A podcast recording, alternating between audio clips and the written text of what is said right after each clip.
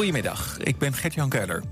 Er zijn het afgelopen etmaal 7425 nieuwe coronabesmettingen bijgekomen, meldt het RIVM. Dat zijn er fors meer dan gisteren, toen waren het er 6200. En het is het hoogste aantal in één dag sinds 8 januari. Minister Grapperhaus zei na de ministerraad al dat er veel meer besmettingen waren. Ook meldde hij dat het R-getal boven de 1 zit. Twee dagen na de verkiezingen is de verkenning van een nieuw kabinet begonnen. Verkenners Annemarie Joritsma en Kaisha Olongren praten vanmiddag met voorzitter Bruin van de Eerste Kamer. Vanaf maandag gaan ze in gesprek met de fractievoorzitters. Over anderhalve week brengen ze verslag uit. Europese regeringsleiders hebben premier Rutte gefeliciteerd met zijn overwinning bij de verkiezingen. Hij kreeg berichten uit Oostenrijk, Groot-Brittannië en België. De Belgische premier De Croo feliciteerde behalve Rutte ook D66-leider Sigrid Kaag, omdat zij met haar partij flink won en tweede werd. De politie kan niemand aanhouden voor de rellen eind januari bij een ziekenhuis in Enschede. De camerabeelden zijn te onduidelijk. Tientallen railschoppers trokken naar het medisch spectrum Twente. Daar vernielden ze een slagboom en bonkten ze op de ruiten. Het zorgde voor veel onrust bij patiënten en personeel. Het weer dan vrij zonnig en ook wat wolkenvelden en rond 8 graden. Vannacht koelt het flink af en gaat het op veel plekken licht vriezen. Morgen begint met flink wat zon, later meer bewolking. En 6 tot 8 graden. Tot zover het ANP-nieuws. Er is een avondklok in Nederland. Tussen 9 uur s avonds en half 5 s ochtends blijven we verplicht binnen. Dit is een zware coronamaatregel die nu nodig is om ontmoetingen in de avond tegen te gaan. Door binnen te blijven houden we corona buiten. Ga voor meer informatie naar rijksoverheid.nl slash avondklok. Of bel 0800 1351.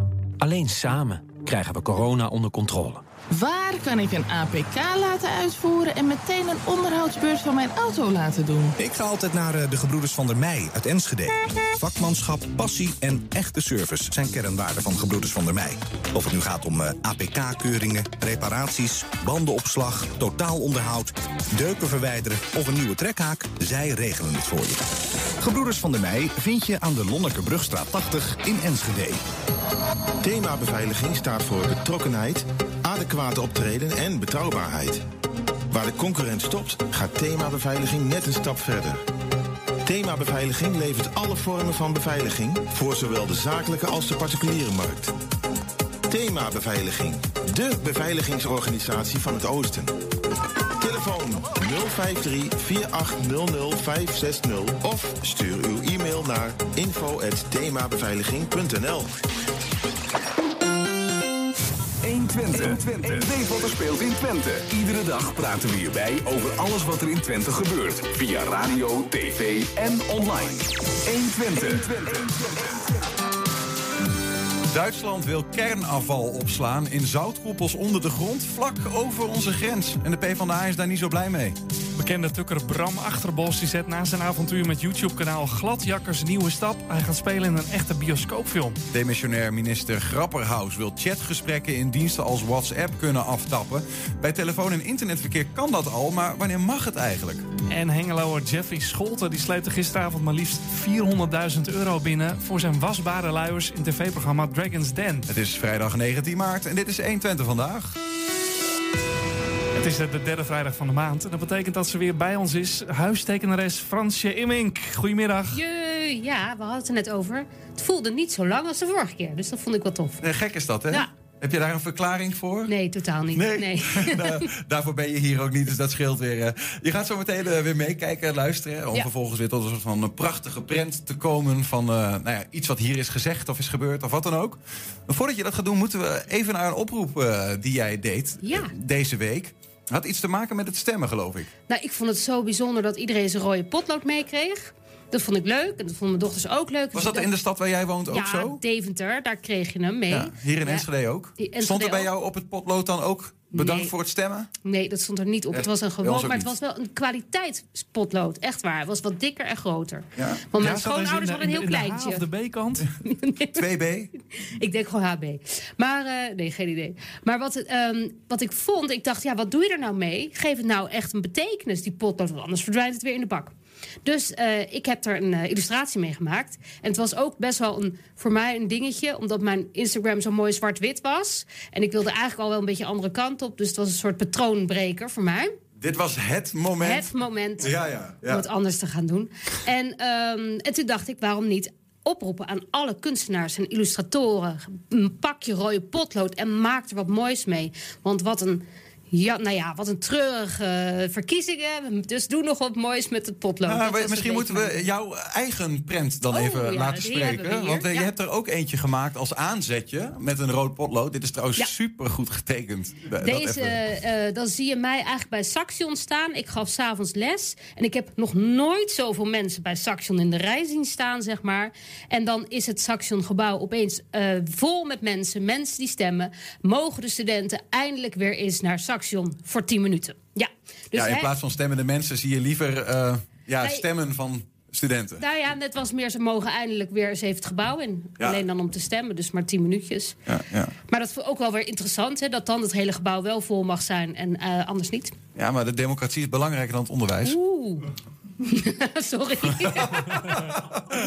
Nee, we hebben er nog eentje, want Ja. die zegt iets over jouw te- Ja. teneur rondom de verkiezingen, wat Ja. jou betreft. Ja, daar zie je mij vooral een beetje heel erg eh, moe en puffloos in de, nou ja, getekend. Met wallen. En dan staat er mega kater van gisteravond.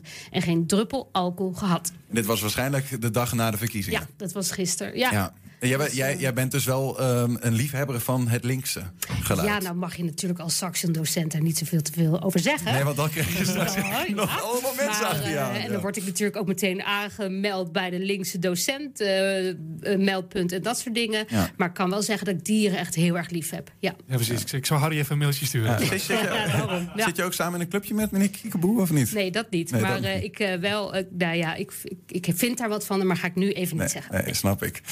Um, heb jij dan ook al inzendingen van andere illustratoren binnen die zeggen van dit vind ik leuk? Ja, ik heb, nou ja, pas drie. Dus kunstenaars, illustratoren, kom op, pak je rode pen en ga aan de slag. Kunstenaars alle landen verenigd Alle landen, daarom, te dat is het. En er mag natuurlijk ook eh, dichters en alles, maar schrijf je lied met een rood potlood. Ja. Ja. En vooral, hè, laat de kunst niet vallen de komende vier jaar, want dat is wel even een belangrijk puntje. Ga je dan nu ook je illustratie, je spotprint van de dag van deze uitzending in het rood? Of ga je die op je iPad maken? zoals- Eh, ik heb mijn iPad, maar ik kan hem rood voor je maken. Dus als je dat graag wil. Willen we dat?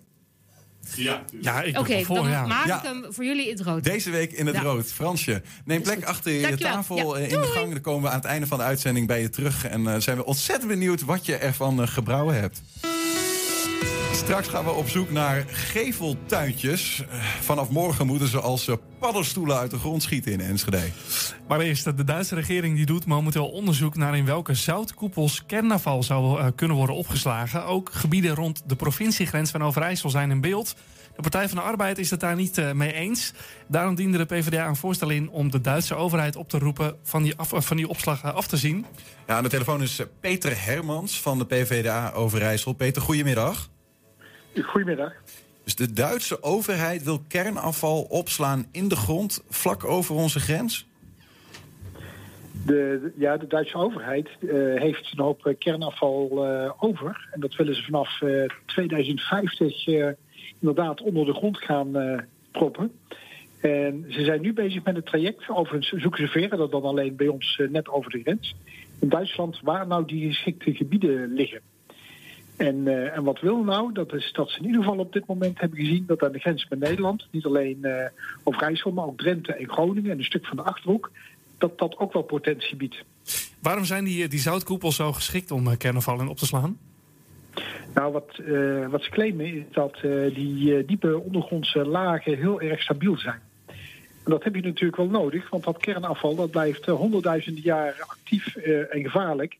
Dus op het moment dat je nu maakt en, eh, en je legt het weg, dan wil je dat liefst neerleggen op een plek eh, waar het ook eh, lange tijd geen, geen kwaad kan. En zij denken dat dat in zoutkoepels veilig is. Ja, nou, dat is toch prima dan, zou je zeggen. Hè? Dan hebben zij een plek om hun kernafval op te slaan. Het is over onze grens, joh. Ja, nou ja, dat, dat zou je kunnen zeggen. Hè. Maar de eerste vraag is al, is dat werkelijk zo stabiel en veilig? Hè? Als je het er één keer ingezet hebt, kun je er dan nog ooit bij als je dat wil? Het antwoord daarop is nee. Eh, er zijn in het verleden ook wel wat, eh, wat uh, ongelukken gebeurt met ondergrondse opslag. Uh, onder meer in Duitsland zelf, maar ook in de Verenigde Staten.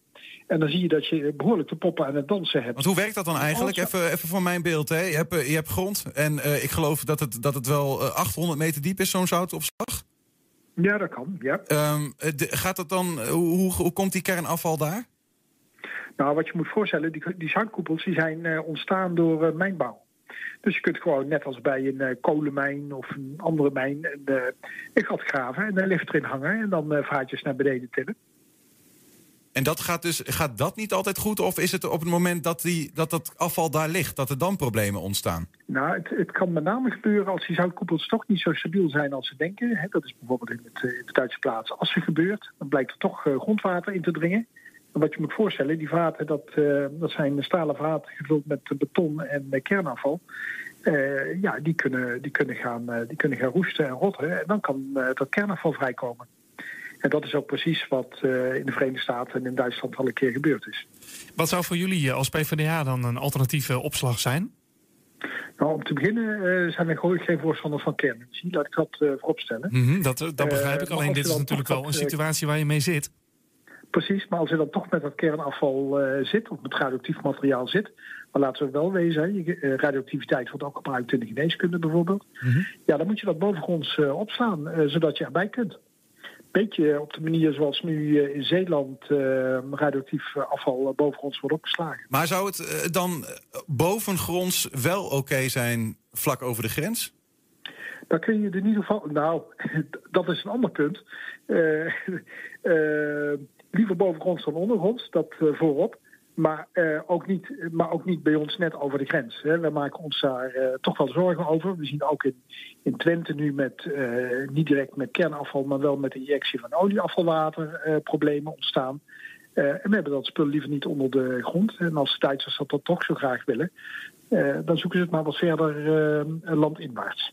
Maar hoeveel invloed hebben wij daarop als Nederland? Want dit is een, een probleem wat uh, nou ja, in Duitsland zich op nationaal niveau afspeelt. Het is uh, lands, uh, landgebied van Duitsland zelf.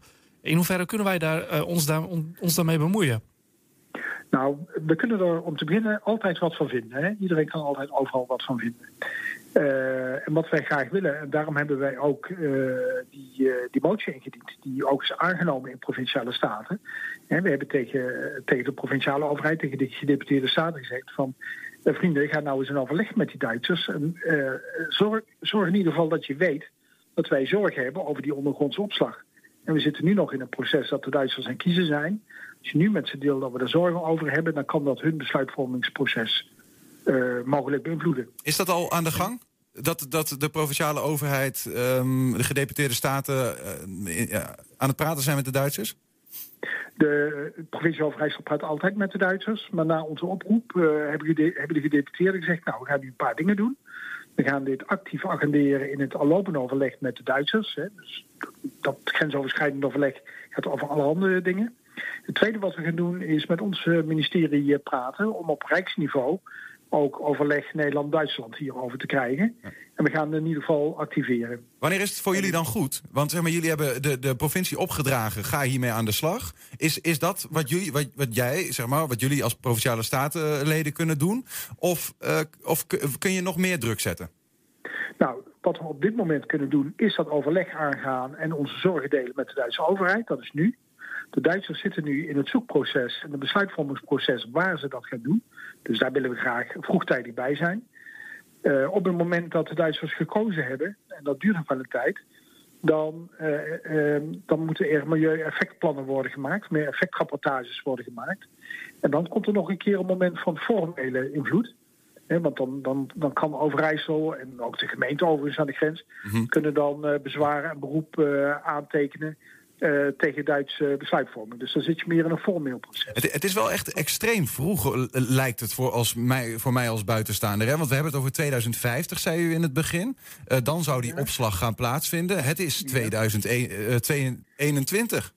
Ja, precies, precies. Nou ja, dat zijn natuurlijk rechtelijke termijnen. Als je weet dat dat spul honderdduizenden jaren onder de grond moet... dan, uh, dan kun je ook zeggen, dat is relatief uh, vroeg. Nee, maar je hebt gelijk. Uh, het is zo dat die vaten in 2050 onder de grond moeten. Maar de Duitsers zitten nu in het voorbereidingsproces. En eh, in 2031 nemen ze een besluit. Ja. Ook daarvan kun je zeggen dat is vroeg. Maar als je nu je belangen kenbaar maakt, kunnen ze er wel rekening mee houden. En loop je straks niet achter de Maar wagen. je kunt ook nu bovenop de stapel belanden. Hè? Dat zeggen, daar kijken we later nog wel even naar. En dan vergeten ze het. Ja, maar weet je, dan zorgen we dat later nog wel een keer op die stapel komen. Eh, wij hebben gezegd, het speelt nu, het komt nu in de actualiteit. Ja. Er wordt nu ook over gesproken in Duitsland. Ja. Dus dit is een moment dat moet je pakken. Duidelijk verhaal. Peter Hermans van eh, de PVDA Overijssel. Dank voor de uitleg en succes met de strijd. Dankjewel, graag gedaan. Fijn weekend.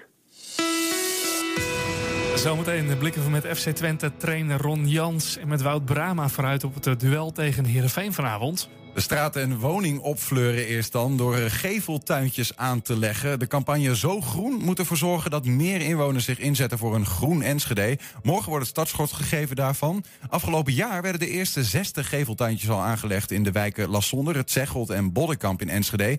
Die geveltuintjes zorgden samen voor 104 meter groen in die wijken.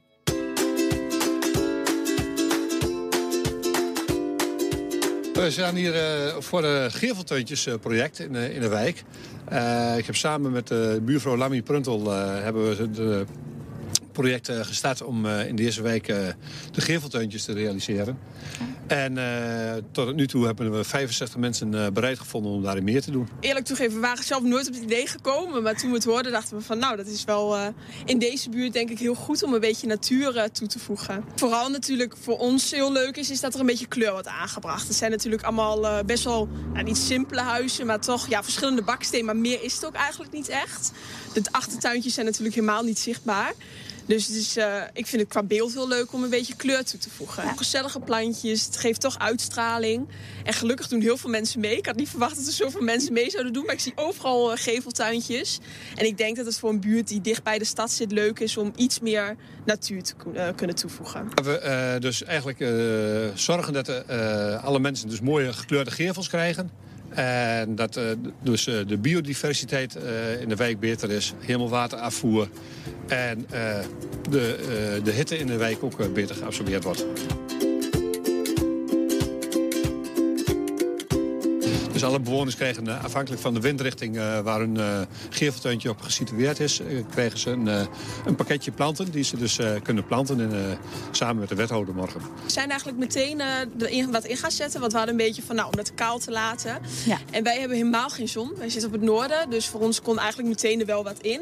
Dus we hebben drie, want het moet altijd oneven worden we. Dus we hebben drie eh, grasbolletjes erin gezet. Ja, een beetje afgestemd met de buren. Dus dat we een beetje hetzelfde hebben. Ik, heb, eh, dat is mooi. ik ken de namen van de planten niet, want eh, we hebben een eh, menukaart eh, laten maken door Ozo Groen. Wie heeft dat eh, gemaakt? Eh, dus voor elke windrichting een eh, bepaalde, eh, bepaalde planten gekozen. En ik heb dus half, half schaduw, half zon. Dus ik ben benieuwd eh, wat mijn pakket eh, planten straks in het voorjaar gaat doen. Dus daar moet je nog even op wachten. Ja. Ja, inderdaad. Nog eventjes wachten voordat alles echt groen wordt. Aan de Zoom is eh, Angeline Hoppen. Goedemiddag. Middag. Ja, u weet alles eh, over de campagne die eh, gemeente Enschede nu eh, gaat starten. Zo groen. Wat gaat er precies gebeuren de komende tijd? De komende tijd gaat, ehm, eh, gaan we extra, ehm, extra aandacht besteden aan het vergroenen van je straat. En op dit moment met de campagne starten we met eh, de nadruk leggen op geveltuintjes. Maar er is ook van allerlei andere straatgroen eh, mogelijk. Van ehm, eh, boomspiegels vergroenen tot eh, bloembakken naast je deur of eh, je balkon vergroenen. We willen het graag groen, dat zal duidelijk zijn. Dat snap ik. Is, de- is dat voor de mooi of is dat, eh, dat heeft nog meer redenen, denk ik, hè? Heel in het, eh, in het kort drie redenen. Voor de mooi en gezellig. Ehm, voor de biodiversiteit Het is gewoon echt beter dat we met z'n allen de schouders zetten onder het eh, vergroenen van ons land, van de wereld. Ehm, en de derde is dat het ehm, alles wat, wat niet verhard is, helpt mee om eh, grote dikke plensbuien weg te laten lopen. Mhm. Nou, ik kan me voorstellen als je een, eh, een eigen huis hebt, een plek onder de zon en je hebt eh, een tegel, eh, eh, ja, tegels voor je huis. Ja, dan, dan wip je er een aantal tegels uit. Ehm, en dan ben je al vrij gauw klaar. Wat, wat kunnen jullie als gemeente, wat willen jullie dan nog voor de inwoners betekenen daarin? Oké, ik wil even nuanceren, want ik ben van de Groene Loper. Uh, wij werken samen met de gemeente, maar de Groene Loper is eigenlijk het stuk wat, niet, wat geen gemeente is. Dus wij uh, uh, we willen wel met, en we moeten ook wel met z'n allen vergroenen. De gemeente bezit ongeveer 30 procent um, oppervlak in, in Enschede. En ik sta dan voor die 70 procent. Um, doe ik even heel, maak het even heel groot. Ja. Maar ik probeer juist met bewoners te gaan vergroenen. Nou, en je zei van, uh, wat, wat wil je nou? Hoe, zei hoe was je ja, hoe kun je, hoe kun je dan, want uh, hoe kun je dan bewoners en hoe, hoe wil de gemeente en hoe willen jullie met hen, zeg maar, de bewoners aansporen en helpen om ook echt uh, tot actie te komen? Ja, oké. Okay. Um, we zijn ervan overtuigd dat het goed is, maar ook vooral erg leuk is en makkelijk. Nou, dus dat zijn eigenlijk de drie, die drie dingen die we willen overbrengen. Van, um, daarom heet het ook zo groen. Ja. Je hebt het eigenlijk zo groen. Ja, duidelijk verhaal, maar, maar, dan, maar dan kun je bijvoorbeeld, uh, uh, bijvoorbeeld abris langs de weg hangen en zeggen: je leg een tegeltuintje aan. Of je, je kunt mensen iets geven om ze te helpen. Gebeuren er nog, wat gaat er allemaal gebeuren de komende tijd? Oké, okay. ja, volgende week gaat, uh, of eigenlijk zaterdag, morgen is het startschot van de campagne. De komende week zal het eigenlijk niemand ontgaan, want uh, in, de, in de muppies heet dat dan, hè, de aanplakborden langs de weg, uh, komt een aansporing. Maak het zo groen. Um, er komen artikeltjes in de krant, op Facebook. Mm-hmm. Nou, je kan het eigenlijk niet missen. En bovendien, uh, en dat is het leukste, het wordt ook echt groener. In, uh, te beginnen in La Sonder, het Zegelt en Boddenkamp echt flink wel wat tuintjes. Daar is morgen dan ook het startschot. Wat gaat er morgen dan uh, gebeuren? Ja, de, nou ja, dat wat we natuurlijk uh, vrij groots hadden bedacht. Echt een, uh, een plantdag met, uh, met al die mensen die meedoen. moeten, we, moeten we helaas toch weer wat ehm, inperken, zodat het goed en veilig en coronaproof kan. Maar morgen is de overhandiging van het eerste pakket uh, met de planten aan de wethouder. Maar daarna de overhandiging aan al die mensen die meedoen. Die krijgen een heel pakket, zoals we net in het filmpje zagen. Mm-hmm. En um, dan is de plantdag. Dus de mensen gaan daadwerkelijk de plantjes erin zetten. En aan het eind van de dag is, uh, is de wijk uh, zo groen. Ja, aan het eind van de dag al, aan het eind van het jaar, zeg maar. Als alles ook echt erboven is gekomen. Morgen wordt het, ja, morgen wordt het begin gemaakt, maar um, uh, de titel Zo Groen is ook bedoeld... je hebt het eigenlijk zo groen. Dit is een zaterdagmiddagwerk. Iedereen kan een geveltuintje aanleggen. Er is helemaal geen hogere wiskunde. Nee. En uh, mensen die het niet kunnen, die helpen we met deze actie. Die kunnen hulp in, uh, in aanvragen, zeg maar. Mhm. En vanuit de Groene Lopen mogen we 100 tuintjes weggeven. Ja, 10 keer 10. Die kunnen mensen winnen, toch? Dus um, uh, mensen die in hun straat of buurstraat uh, tien huizen, um, huiseigenaren of uh, bewoners kunnen vinden die, um, die mee willen doen met die actie, die kunnen met hun motivatie sturen ze dat in. Doen mee aan de winactie en wij kiezen elke maand een paar uit totdat we aan tien straten zijn. Kijk aan, en dan gaan de, de tegels eruit en dan gaan de plantjes erin. Ja, precies. Angelien Hoppen, dank voor de uitleg en uh, succes met de actie.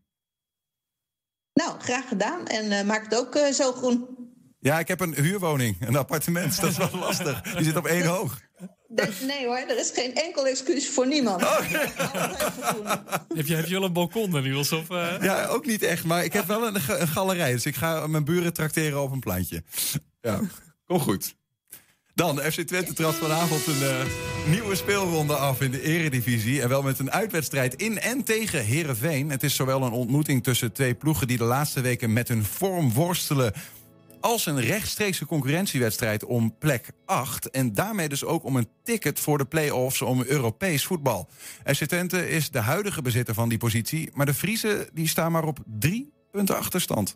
Zelfs bij een slecht resultaat, wat we niet willen hoor, uh, doen wij nog steeds mee. Uh, als zij van ons zouden verliezen, wordt het denk ik voor hun heel moeilijk om nog uh, achtste te worden. En lijkt mij een prima idee om dat setje aan Heerenveen te geven.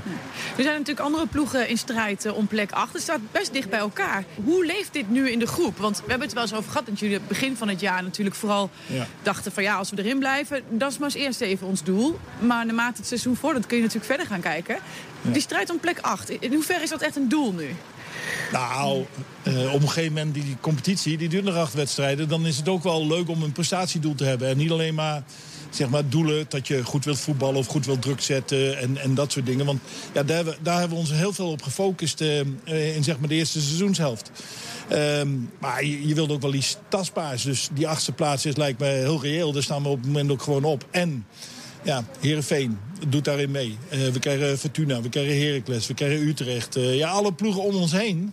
Eh, we hebben het in eigen hand. En dus we moeten het ergens omdraaien. Want nou, negatieve spiraal is misschien net iets te veel eh, gezegd. Maar we zitten nou niet in, eh, in een hele goede eh, flow, zeg maar. Dus je moet het omdraaien. En dat is de mooie uitdaging. Het begint morgen. Morgen moeten we er gewoon staan.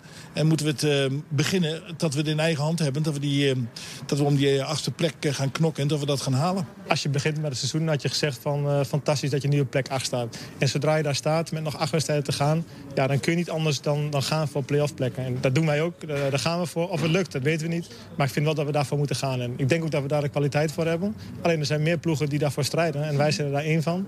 We staan er nu goed voor, maar we hebben nog acht wedstrijden te gaan. Dus nog 24 punten. Te beginnen tegen Herenveen. Yes. Wat verwacht je van die wedstrijd? Nou, die zitten ook in zo'n beste fase. Ik had toevallig gisteren eh, iemand aan de lijn van Heerenveen voor het programmaboekje. En eh, die, die zijn ook niet zo heel erg vol vertrouwen.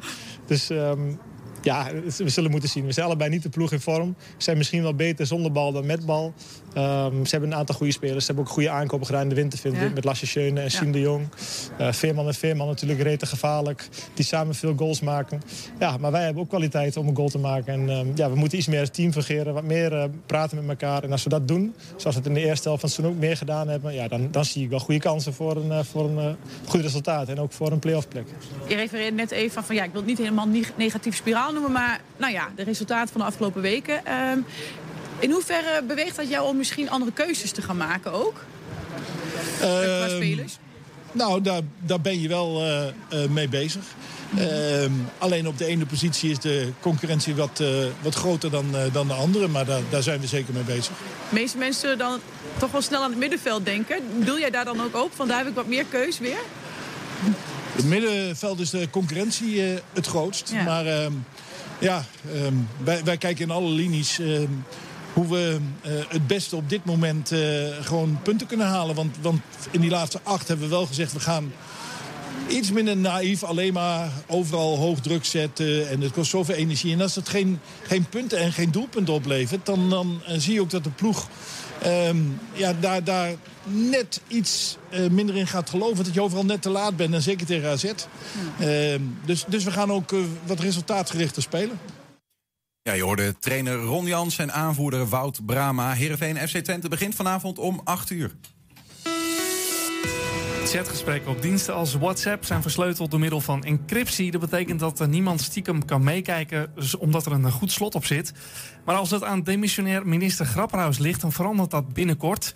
Eh, ondanks een herhaaldelijk nee van zowel de Tweede Kamer als verschillende organisaties... is hij nog steeds bezig om de sleutel voor het WhatsApp-slot te regelen. Hij wil namelijk eh, dat bijvoorbeeld politie, AIVD, Defensie kunnen meekijken als dat nodig is.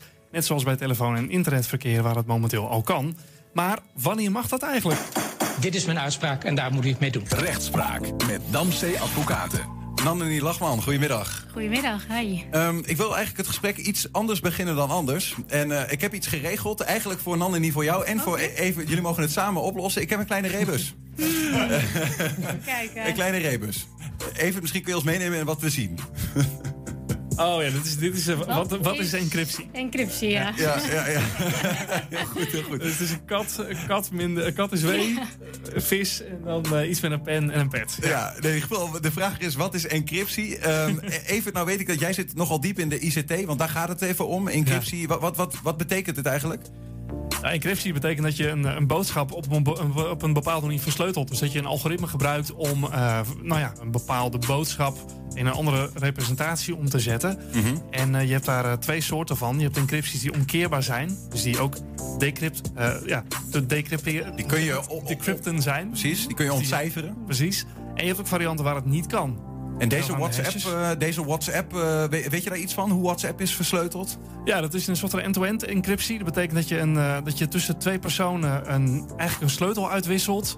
Eh, en als jij beide die sleutel hebt, dan kun je de berichten van elkaar bekijken. Maar voor andere mensen is het dus gewoon willekeurige tekst die voorbij komt. Mhm. Het klinkt op zich, Nandini Lachman, als, eh, nou ja, al- als iets moois. Wat zijn de, de voordelen voor, van zo'n van zo'n versleuteling eigenlijk?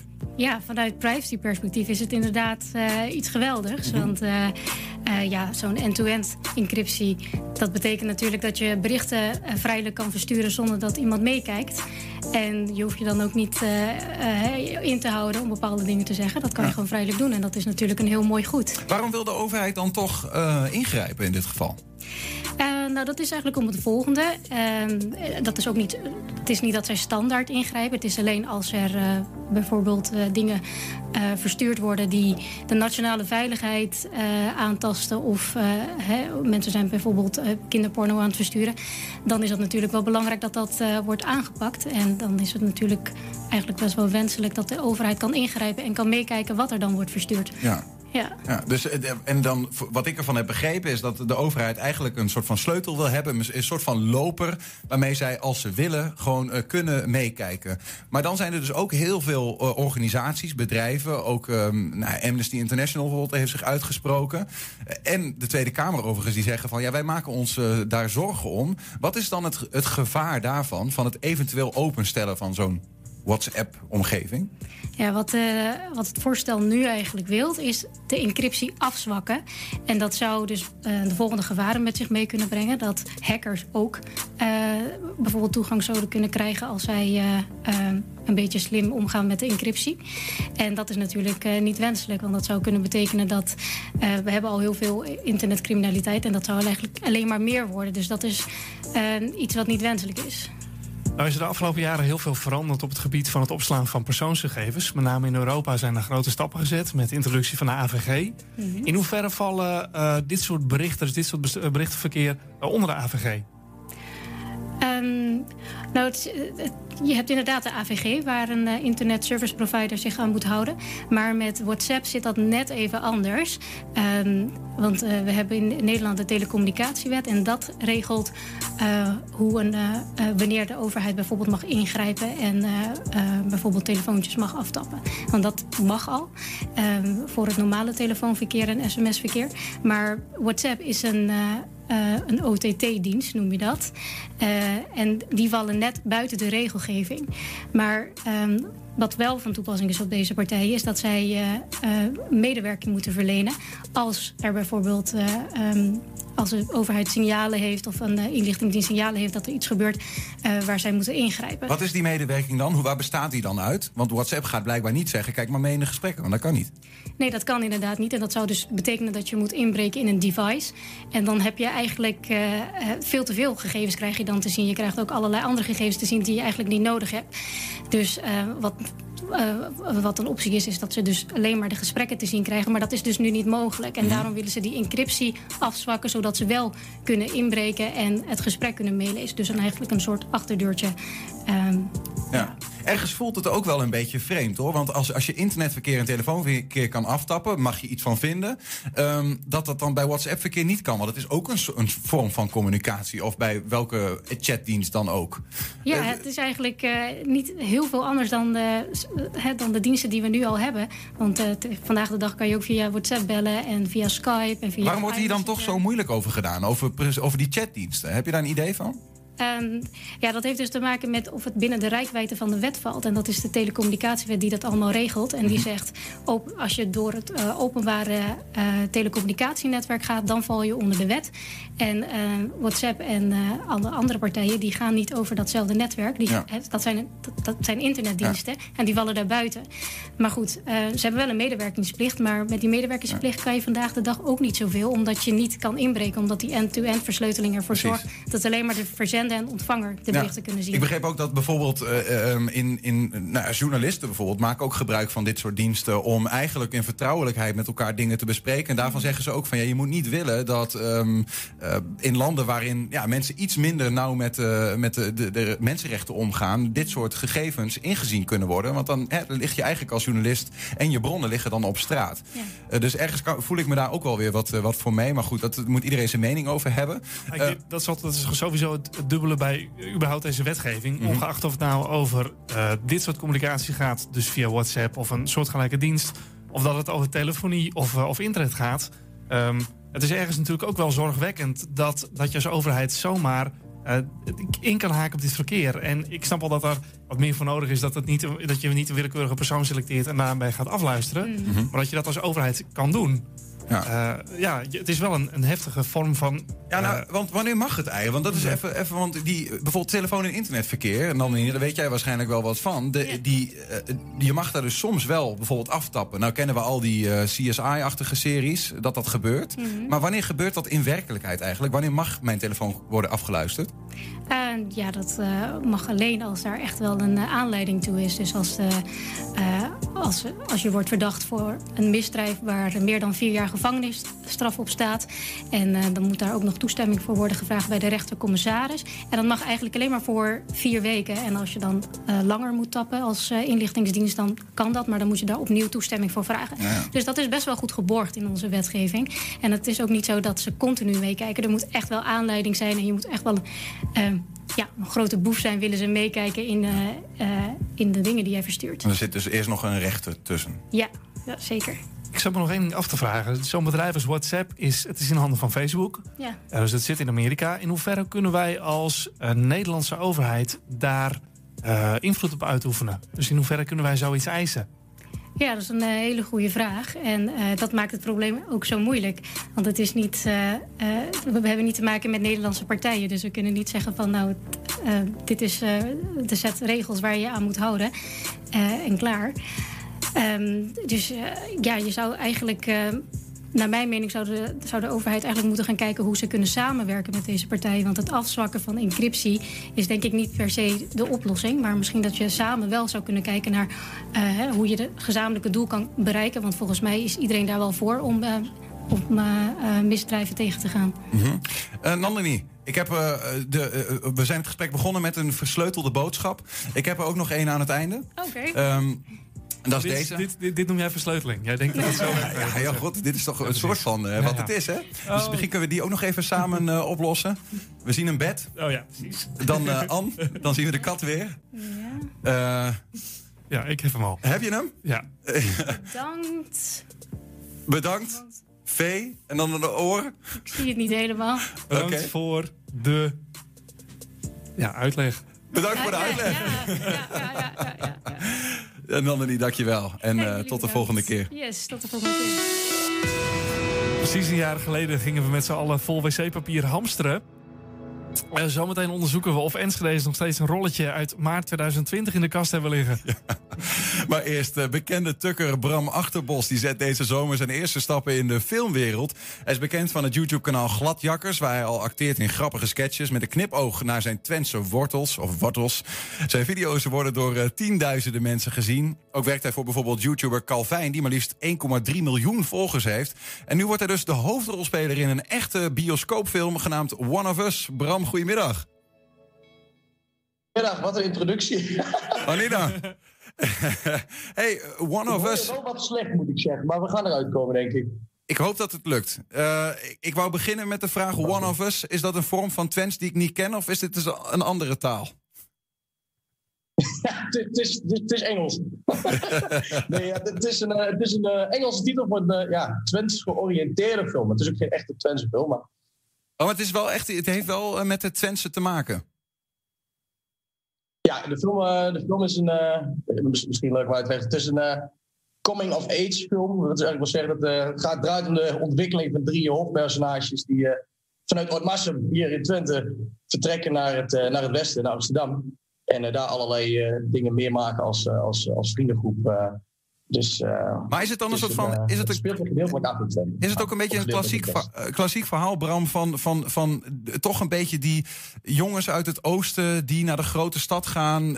Wat wij misschien als Twentenaar allemaal wel een beetje kennen. Toch een beetje angst voor wat speelt zich daar allemaal af. Die arrogante Amsterdammers of Randstadmensen, dat gevoel? Ja, dat is wel een beetje. En het is vooral ook om de, om de band tussen de karakters. Dus de vriendengroep zelf de een heeft een andere reden om naar het beste te vertrekken dan de ander. Ik bijvoorbeeld zelf, het personage van Jeroen, die, uh, ja, die heeft het eigenlijk helemaal niet zo. Die heeft helemaal niet zoveel behoefte om naar het beste te gaan. Uh, maar die gaat meer zijn, ja, met zijn kameraden, omdat zijn kameraden ook gaan. En um, hij uh, vindt het allemaal wel best. En die andere twee karakters, eentje is, is homoseksueel. En die kan daar beter tot, ja, die, die voelt zich daar prettiger dan hier in het, in kleine Twente. En zo gebeuren allerlei dingen, spanningen binnen die vriendengroep. En de film draait eigenlijk om dat, om dat gevoel, zeg maar, hoe die ontwikkeling tussen die, tussen die karakters, zich, ja, hoe dat zich ontwikkelt, zeg maar. Zit er, een, zit er een parallel tussen je eigen leven en het karakter in de film? Ja, zeker. Ja, zeker wel. Het is een nuchter, uh, nuchter, een nuchter tukketje, dat, uh, dat, uh, dat karakter Jeroen, zeg maar. En het is ook een beetje naar mij toegeschreven. Dus dat scheelt ook allemaal weer. Dus ik kan er redelijk mee uh, mezelf, uh, mezelf zijn. Maar dit is zelfs naar jou toegeschreven. Want, want, ik bedoel, dit is je eerste echte bioscoopfilm waar je in gaat spelen, toch? Of hebben we er een gemist? Nee, nee dat, is, uh, dat is de eerste. Dus dat, maar hoe kom je hier zo bij dan? Hoe kom je er zo bij? Bij die film? Hoe, hebben ze, hoe zijn ze bij jou gekomen? Ik heb... ja, ik ben benaderd door het toenmalige productiebureau... wat samenwerkte met Dennis Alink, de regisseur van de film, uh, de schrijver van de film. En die, um, um, die in dat productieteam dat benaderde mij en die zei van, hey, we kennen je online, maar we zijn eigenlijk wel benieuwd of je ook op acteerniveau iets, iets kan. Dat hebben ze me uitgenodigd voor een casting, daar heb ik aan meegedaan. En ja, toen, uh, toen zagen we Maar hallo, of jij, of jij kan acteren, dat, dat, dat weet iedereen toch? Als je, als je een beetje naar jouw YouTube-kanaal kijkt. Ik bedoel, dat, dat, dat is niet allemaal alleen maar alleen Bram Achterbos. Dat, is toch, dat zijn allemaal, tenminste, dat, dat mag ik bijna hopen, dat je dat acteert. Ja, nou, ik heb wel eens dat ik, uh, dat ik in de kroeg sta en dat mensen zeggen: waarom heb jij uh, geen halve liter in de hand, maar gewoon een glas bier? En dan denk ik. Misschien uh, moet ik dat nog duidelijker maken. Zo. Maar, nee, dat is niet hoe ik standaard ben. Dat is uh, allemaal geacteerd. Dus dat is maar op een stereotypisch niveau. Dus dat is eigenlijk natuurlijk een uitvergroting. Dat is een stuk makkelijker voor mij in principe dan, uh, dan wat ik nu moet gaan doen. Dat wordt een stuk minimalistischer en echt op. ja, dus dat wordt wel, wordt wel een mooie uitdaging. Want zijn jullie al begonnen met film eigenlijk? we zijn nu begonnen met alle, alle ja, een beetje met het gevoel van de film, alles wat er omheen zit, de vormgeving, de foto's, de posters en dergelijke. Maar uh, het filmen gaat van zomer beginnen als het goed is. En dan uh, afhankelijk allemaal weer van de maatregelen natuurlijk. We kennen het allemaal, het, uh, zou Maar we moeten er even op wachten. En dan als het goed is, dan gaan we van zomer de grootste stappen maken in het filmen. Wie, wie zitten er nog meer in die film? Heb je wat namen van andere hoofdrolspelers? Sorry, ik versta je heel slecht. Heb je wat namen van andere hoofdrolspelers in die film? Als in de, de, het, het gaat om Jeroen, uh, Ayani en Tom. En die gaan. Uh, ja, ik bedoel de acteurs, zeg maar. Zijn er, want we, we kennen jou natuurlijk van, uh, van de Gladjakkers. zijn er ook andere, andere nou ja, bekende, of misschien wat semi-bekende acteurs die mensen misschien kunnen kennen van andere producties? Ja, ja, ja. Tom wordt gespeeld door ba Bas Keizer. En die heeft in de film Cobain gespeeld. Dat is wel een, een bioscoopfilm geweest. Uh, en die heeft ook wat andere dingen nog gedaan. En Jefferson, dat is de andere um, hoofdrolspeler, die uh, heeft in Spangas uh, rol. Ah ja. En ook in verschillende Disney Channel producties. Dus dat is het drietal. Dus je, je, hebt wel wat, wat andere om, om je aan op te trekken als het gaat om het, ja, het kleinere acteren waar je het over hebt. Zoals dat in een film gebeurt. Ja, ja, 100%. Ja, ik kan van hun natuurlijk ook heel veel, heel veel leren. Wat op dat betreft ben ik natuurlijk uh, onbekend of onervaren. Uh, maar dat zijn jongens die dat ontzettend goed doen. En die, uh, die, die vriendengroep vibe. En dat is vooral wat, wat het gevoel dat we natuurlijk met z'n drieën moeten krijgen. We hebben nu twee keer al in een huisje gezeten. Lekker biertjes erbij. En een beetje aan elkaar wennen. En dat, dat klikt gewoon heel goed. En als we dat gevoel wat we ja, daar, daar, gaat het eigenlijk om. Als we dat gevoel van vriendengroep ook echt kunnen creëren, zeg maar, dan, ja. ja dan uh, het alle vertrouwen in. En dan gaat dat, uh, dan gaat het acteren zelf, denk ik. Ik ben ook niet eens meer zoveel te acteren. Method acting heet dat geloof ik, hè? Dat je helemaal in je, in je, in je rol gaat. En straks weet je niet meer anders, eh, Bram, dat je in je rol bent. Ja. Waar je elke week om vier Ja, dat uur binnenstappen. Ja. Dat zou een beetje eng zijn, hè? Maar het moet wel goed komen. Hey, iets anders, eh, Bram. Eh, wist je dat het deze maand de maand van de streektaal is? Ik wist dat, zeker. Dus ik, eh, ik had het eh, gehoord en we worden dan wel regelmatig op deze tijden allemaal benaderd voor onze content of dat eh, gebruikt mag worden en dergelijke. Maar ik wist het. Ja, we, we hebben nou hier, iedere week hebben we namelijk hier in onze uitzending op de donderdag het Twents kwartierken. En daarin deze maand extra aandacht voor de favoriete Twentse woorden van luisteraars en eh, kijkeraars. En ik vroeg me af, heb jij een favoriet Twents woord? Een favoriet Twents woord? Nee, dat, nee, eigenlijk niet. Ik moet je teleurstellen. Ik had gehoopt dat je hier een heel, eh, heel fantastisch eh, woord kon geven. Maar dat heb ik eigenlijk niet. Ik vind gewoon een mooie, mooie, mooie dialecten. Voor de rest, ik heb geen favoriet woord, nee. Het is allemaal mooi. Het is allemaal mooi. Ik versta je, ik versta je heel slecht. Het kraakt hier dus niet Nou, normaal. weet je, dat, Bram, dan ga ik de laatste vraag stellen, tot slot. En die is heel kort en krachtig. Komt-ie? Wanneer GTST? Als GTS in Twente wordt geschreven. Ja, gladjakker. Mijlenver. Bram Achterbos gaat er spelen in de nieuwe bioscoopfilm One of Us. Eh, Deze zomer beginnen de opnames. En dan zal die eh, ergens eh, daarna ooit een keer eh, op het witte doek verschijnen. Bram, dankjewel. Heel veel plezier met acteren, man. Hey, hartelijk dank. Jullie bedankt. En fijne uitzending verder. Dank je. Het is alweer, eh, alweer een jaar geleden sinds Nederland besloot om de, de winkels leeg te kopen. Mensen waren bang dat ze wat tekort kwamen, dus ze gingen hamsteren. En soms wel heel veel hamsteren. Weet je het nog vorig jaar? Ja, ik weet het zeker, ja. Ik, heb, eh, zelf, nee, ik was zelf iets te laat. In de tweede golf heb ik heel veel toiletpapier gehamsterd. Ja, maar ik weet het nog, want eh, dit waren precies een jaar geleden. eh, zaten wij hier ook. eh, op de vrijdag was de, de- voor mij de eerste keer in Twente vandaag. En eh, ik moest daarna nog boodschappen doen. En bij mij was het wc-papier echt op. Ik had echt gewoon die ochtend de laatste rol aan, eh, aangebroken. Dus ik kom in de supermarkt en daar stond alleen nog zo'n enorm pak van 16 van die rollen of 20. Weet je wel, zo'n enorm, zo'n dubbel pak. En ik heb dat gekocht en ik werd gewoon heel boos aangekeken door de mensen om me heen. maar goed, wij, wij vroegen ons af, ehm, ja, zijn die ingeslagen eh, wc-rollen en eh, de, de blikken bonen inmiddels al op? Elke die ging de straat op in Enschede om dat voor ons uit te zoeken. Precies één jaar geleden zijn alle winkels leeggehamsterd. Daarom gingen wij nu naar de markt toe om te vragen of mensen hier aan mee hebben gedaan. Ik heb nog toiletpapier van een jaar geleden in huis. Weet u dat? Nee, allang niet meer. Nee. Nee. nee. Nee. nee, gelukkig niet. Nee. Geen enkel idee.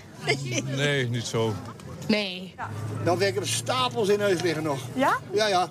En eh, waar. waarom had u het destijds gedaan dan? Nou, ik heb het niet gedaan hoor. Nee. En flauwekul, ik heb Oh, niet oké. gehamsterd. Waarom niet? Nou, dat vond ik niet nodig, want de supermarkten waren genoeg bevoorraad. En eh, ja, als mensen idioot gaan hamsteren, is dat natuurlijk onzin. Het is geen oorlog dat je die deur niet uit kunt. Mijn vrouw die doet inkopen, dus ik heb geen idee. Maar altijd wat voorraad. Want stel je voor dat je niks meer hebt. Nee, waarom niet? Omdat wij vonden van dat, we dat we ook wel genoeg voor anderen over moesten laten. U heeft toen niet gehamsterd, Een beetje in het begin, omdat iedereen dat deed, dacht ik. Maar toch niet extreem.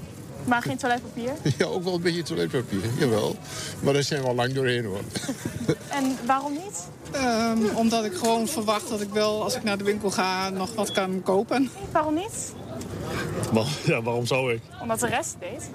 Ja, dan hoef ik het niet te doen. Maar ik, ja, ik, ik, ik snap de mensen niet.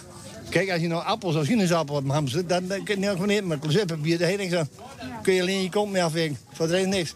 Ja, en toen alle vakken leeg waren van bijvoorbeeld dus toiletpapier. Ja, toen moest ik een keer naar een extra winkel om, eh, om ergens anders wat te halen. U vond het dus geen probleem? Nee.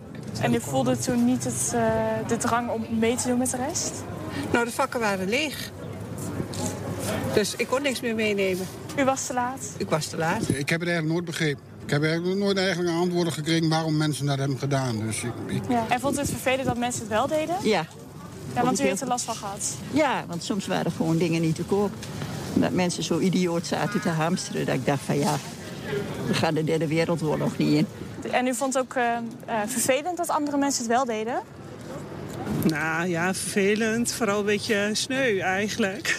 Als Ja. je zelf aan het werk bent en je hebt daarna zelf geen toiletpapier als je in de winkel komt. U deed het alleen maar omdat andere mensen het ook deden? Ja, in principe wel. Je, je wist in het begin niet wat je te wachten stond. Dus eh, ik dacht, nou ja, ik liep in de supermarkt en ik denk, laat ik dat ook maar meenemen. En dan had je nog wat anders, keukenrollen geloof ik. Eh, ik weet het niet, maar...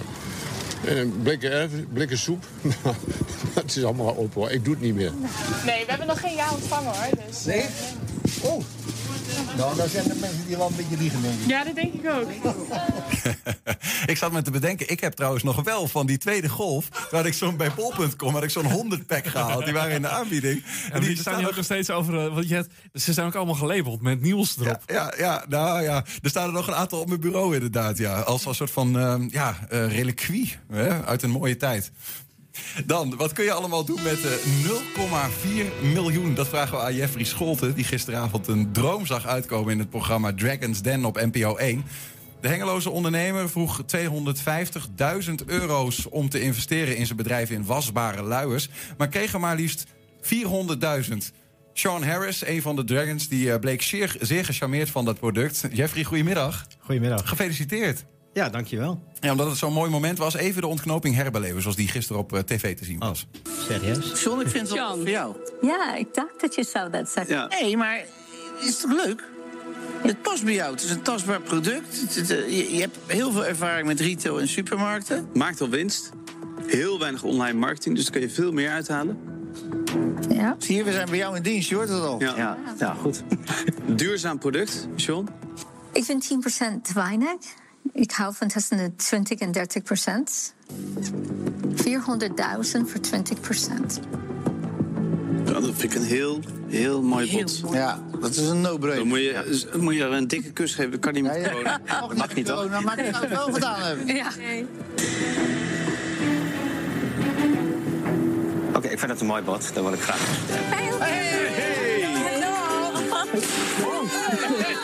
Gefeliciteerd! Dit was eh, gisteravond op tv. Wat, eh, wat, komt er af op je, wat komt er op je af eh, na zo'n na zo'n uitzending? Ja, heel veel berichtjes, telefoontjes, website stond eh, op ontploffen. Dat is echt eh, bizar gewoon. Hoe echt is dit eigenlijk, waar ik naar zit te kijken? Want is dit, moet jij echt op dat moment besluiten... dit ga ik doen of dit ga ik niet doen? Of heb je stiekem van tevoren al iets gehoord? Nee, nee, nee dit is echt... eh, op dat moment moet ik de knop doorhakken. Is het een deal of ge- geen deal? Want jouw compagnon, je doet het niet alleen, eh, was er niet bij. Nee, klopt. Heb je nog even een telefoontje kunnen plegen? Nee, ja, we hadden natuurlijk wel wat scenario's van tevoren door, doorsproken. Van, eh, ja, de kans is aanwezig dat ze wat meer procenten willen hebben... of een, een lager bedrag. Ja, dit was zo'n mooi bod, dat kon ik niet weigeren. Ja, want het gaat om het, een percentage van de aandelen in, eh, in het bedrijf... of van de, van de winst of zo. Ja, ze, zij wordt voor voor 20% eh, eigenaar van ons bedrijf. Ja. Zullen we even vooraan beginnen bij het, bij het product zelf? Want, Misschien wel. Je hebt dus gisteravond een, eh, een pitch eh, ja, vertel, gehouden zeg maar, over jouw bedrijf, over jullie bedrijf en wat jullie Ja. maken. En dat jullie graag een investering willen hebben. Dat is het hele idee van, van Dragon's Den. Wat voor product maken jullie eigenlijk?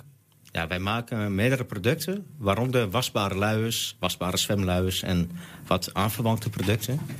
Dat doen we momenteel nog in China. En we zijn al, ja, al heel lang bezig om de productie naar, naar Nederland te halen, in Enschede. We zijn nu al met een pilot bezig bij de DCW, dat heb ik eh, hier eerder al eh, verteld. Ja, dat kost gigantisch veel geld om dat op te zetten. En we moeten grotere voorraden inkopen, meer marketing doen. Dus dat was voor ons wel een reden om aan het programma mee te doen. Nou, nou ku- kunnen wij waarschijnlijk, tenminste ik weet niet hoe het met jou zit... maar niet 400.000 euro investeren. Eh, maar als je nou een soort van pitch zou moeten doen... want je hebt volgens mij wat meegenomen... Ja, om het even te laten zien ook, wat, wat je dan allemaal maakt. Ja. Dan kunnen we, hebben we daar een klein beeld bij. Dit zijn... eh, ja, ze hebben hier, we hebben hier die camera, dus misschien even super. per stuk een Ja. beetje omhoog houden. Dit zijn de wasbare luiers. Ja, dit is een wasbare luier. En eh, dit is een, een luier die one size is. Dus dat betekent dat kinderen die vanaf, de, ge- die vanaf geboorte tot aanzienlijkheid kunnen gebruiken. Hij is in maat verstelbaar met drukknoopjes. Mhm. Heeft een hele eenvoudige klittenbandsluiting. En hij ziet er natuurlijk heel leuk uit. Maar is dit nou, want ik had er even buiten de uitzending een gesprek met een moeder. En die Ja. dacht, ja, wasbare luiers, die, die bestaan toch al eh, tien jaar of zo? Ja, klopt. Dat, eh, dat hoorde ik net ook. Ja, wasbare luiers bestaan nog veel langer. Heel vroeger had je katoenen doeken met de speld... en dan werd dan ook een wasbare luier. Maar wat maakt dan dat Sean Harris denkt, dit vind ik een goed idee? Ja, wij, eh, wij zitten in, een, in de lift. We, echt, we bestaan nu drie jaar. Omzet eh, eh, stijgt elk jaar opnieuw. En er zit heel veel potentie in. De vraag naar wasbare luiers neemt alleen maar meer toe. En dat zien wij ook. En eh, het bijzondere is dat wij de afgelopen eh, maanden al regelmatig zijn benaderd door verschillende retailers die ons product graag in het assortiment willen opnemen. Maar? dan, dan ga je toch gewoon eh, verkopen? Ja, dat is makkelijker gezegd dan gedaan. Maar wij konden de productie gewoon niet aan. En ja, daar heb je ook gewoon meer geld voor nodig om een grotere voorraden in te kopen. Want jullie willen nu de productie hier in Enschede hebben. Ja, dat is wel ons doel. Wat voor, eh, wat voor uitdagingen brengt dat met zich mee? Ja, heel veel. Eh, er, er is heel weinig kennis nog in Enschede. En we produceren nu in China en eh, we plaatsen daar een bestelling. Ze hebben daar alle producten, alle stoffen, alle materialen in liggen. Alleen de productietijd is heel lang in China. En het transport vanuit China naar Nederland duurt ook lang en is niet duurzaam. En in Enschede moeten we alles van begin af aan zelf regelen. De knoopjes, de elastiekjes, de stoffen. En eh, ze hebben geen kennis om, eh, om een eh, wasbare lui te confectioneren. Ja, ik, ik zoek ook nog wel toch even naar van, van wat dan jullie project zo uniek maakt dat het dan zo goed gaat. Of dat deze vrouw besluit om 4 ton in jullie te investeren. Want als blijkbaar die wasbare luiers al bestaan, Ja. weet je, weet je wa- wa- wat jullie anders maakt dan de rest bijvoorbeeld? Ja, zeker. Ja, er zijn een paar dingen heel belangrijk aan een wasbare luier. Is dat hij een goede pasvorm heeft. Wasbare luiers zijn gewoon wat dikker dan wegwerp. Nou, dat, dat, eh, dat is een pluspunt aan onze luier. Eh, Prijs-kwaliteit verhouding is goed. Er zijn heel veel wasbare luiers die eh, twee keer zo duur zijn. En die ook nog eens minder absorberen. Ja, je kan je voorstellen als een kind in een luier plast... wil je dat hij ook voldoende absorbeert. Nou, dat doet luier, onze luier ook. Mhm. En eh, ja, ze zien er natuurlijk heel leuk uit. Dus daarin onderscheiden wij ons echt wel van andere merken. En waarin wij ons straks kunnen onderscheiden... is dat wij lokaal en sociaal gaan produceren. Want sociaal betekent je werkt vaak met mensen met een afstand tot de arbeidsmarkt. Ja, klopt. Ja. Ja, Is dat ook een reden geweest voor haar om te investeren? Weet je dat eigenlijk? Ja, vooral het lokale aspect sprak haar eh, vooral aan. Ja. Ja. Ehm, ik begreep ook even een klein blikje achter de schermen dat eh, de opnames eh, in een tijdperk van veel sneeuw waren. Ja, ja, dat was toen met hevige sneeuwval. Ik ben dus al een dag van tevoren vertrokken. Ik wou geen risico's nemen. Dus ik, ik heb al overnacht in een hotel. En dan, eh, ja, de vol- volgende ochtend zat ik in de studio. Ik heb, eh, de, ik heb de opname even zitten kijken van. eh, of tenminste niet de opname, maar de, de, de uitzending zitten kijken. Ja. Je kwam vrij gespannen over. Was Ja. je tevreden over de pitch? Nee, ja, inhoudelijk was hij goed. Ik heb hem natuurlijk honderd keer geoefend. En ja, ik zag hem gisteren terug. En ik denk, ah, ik, ik kwam wel redelijk zenuwachtig over. En soms ook te snel en onduidelijk gesproken. Maar het resultaat was positief, dus daar ben ik heel tevreden over. Ja. Ja, maar dat duurde wel even als ik zo eh, kijk. Want de eerste paar juryleden waren allemaal... eh, die vonden het wel een goed idee. Maar die zeiden, ja, dit past niet helemaal in ons, eh, ons segment. Ja. Dus ik kan me voorstellen dat het wel een enorme opluchting was. dat er er toch één is die zei van... nou, dit zie ik wel zitten. Ja, nou, van tevoren had ik al wat onderzoek gedaan. Ik gekeken van welke past het beste bij ons. Ja. Welke Dragon. En dat, we hoopten al op Sean Harris. En dat kwam ook uit. En, en ja, als je een beetje kijkt naar de andere investeerders... die zitten meer in de tech. En ja... Zij zitten een beetje in de leeftijd. Ja, nee, dus eh, ja, dat hadden we al zien aankomen. En ze knippen natuurlijk ook heel veel stukjes. Hè. De, ik heb daar wel drie kwartier gestaan of zo. En ze, ja, ze monteerden daar maar vijf of tien minuten van. Nou, want daarover trouwens, er werd gisteren ook een aantal keren een grapje gemaakt over luiers, eh, niet voor kinderen, maar voor ouderen. Ja. Eh, is, dat, is dat een markt die voor jullie eh, interessant zou kunnen zijn? Ja, we, we hebben daar wel eens over gesproken met, eh, met de zorginstelling. Ja, wij focussen ons nu eerst op, eh, op baby's. En dat is al een hele stap. En de- we kunnen in de toekomst kijken naar eh, wasbare luis voor, eh, voor senioren. Met die 400.000 euro die je dan nu eh, gaat krijgen, kun je daar dan die productie ook hiermee naartoe halen? Is dat genoeg? Of? Ja, dat is wel, is wel de verwachting dat we daar eh, genoeg geld voor hebben. Ja. Dus, eh, we, behalve productie opschalen en lokaal produceren... willen we daar ook veel meer mee doen. Marketingcampagnes eh, opstarten en personeel aannemen. Ja. Ze zijn nog niet van jullie af. Nee. nee. Staat, staat geld al op de rekening eigenlijk? Nee, nog niet. De handtekening is nog niet gezet. Maar ik verwacht wel... Maar jij hebt wel app-contact met Sean? Zo van, hey, Ja, we hebben al twee keer met haar gesproken. Toevallig gisteren nog bij haar thuis geweest. Echt eh, het toppen. Dus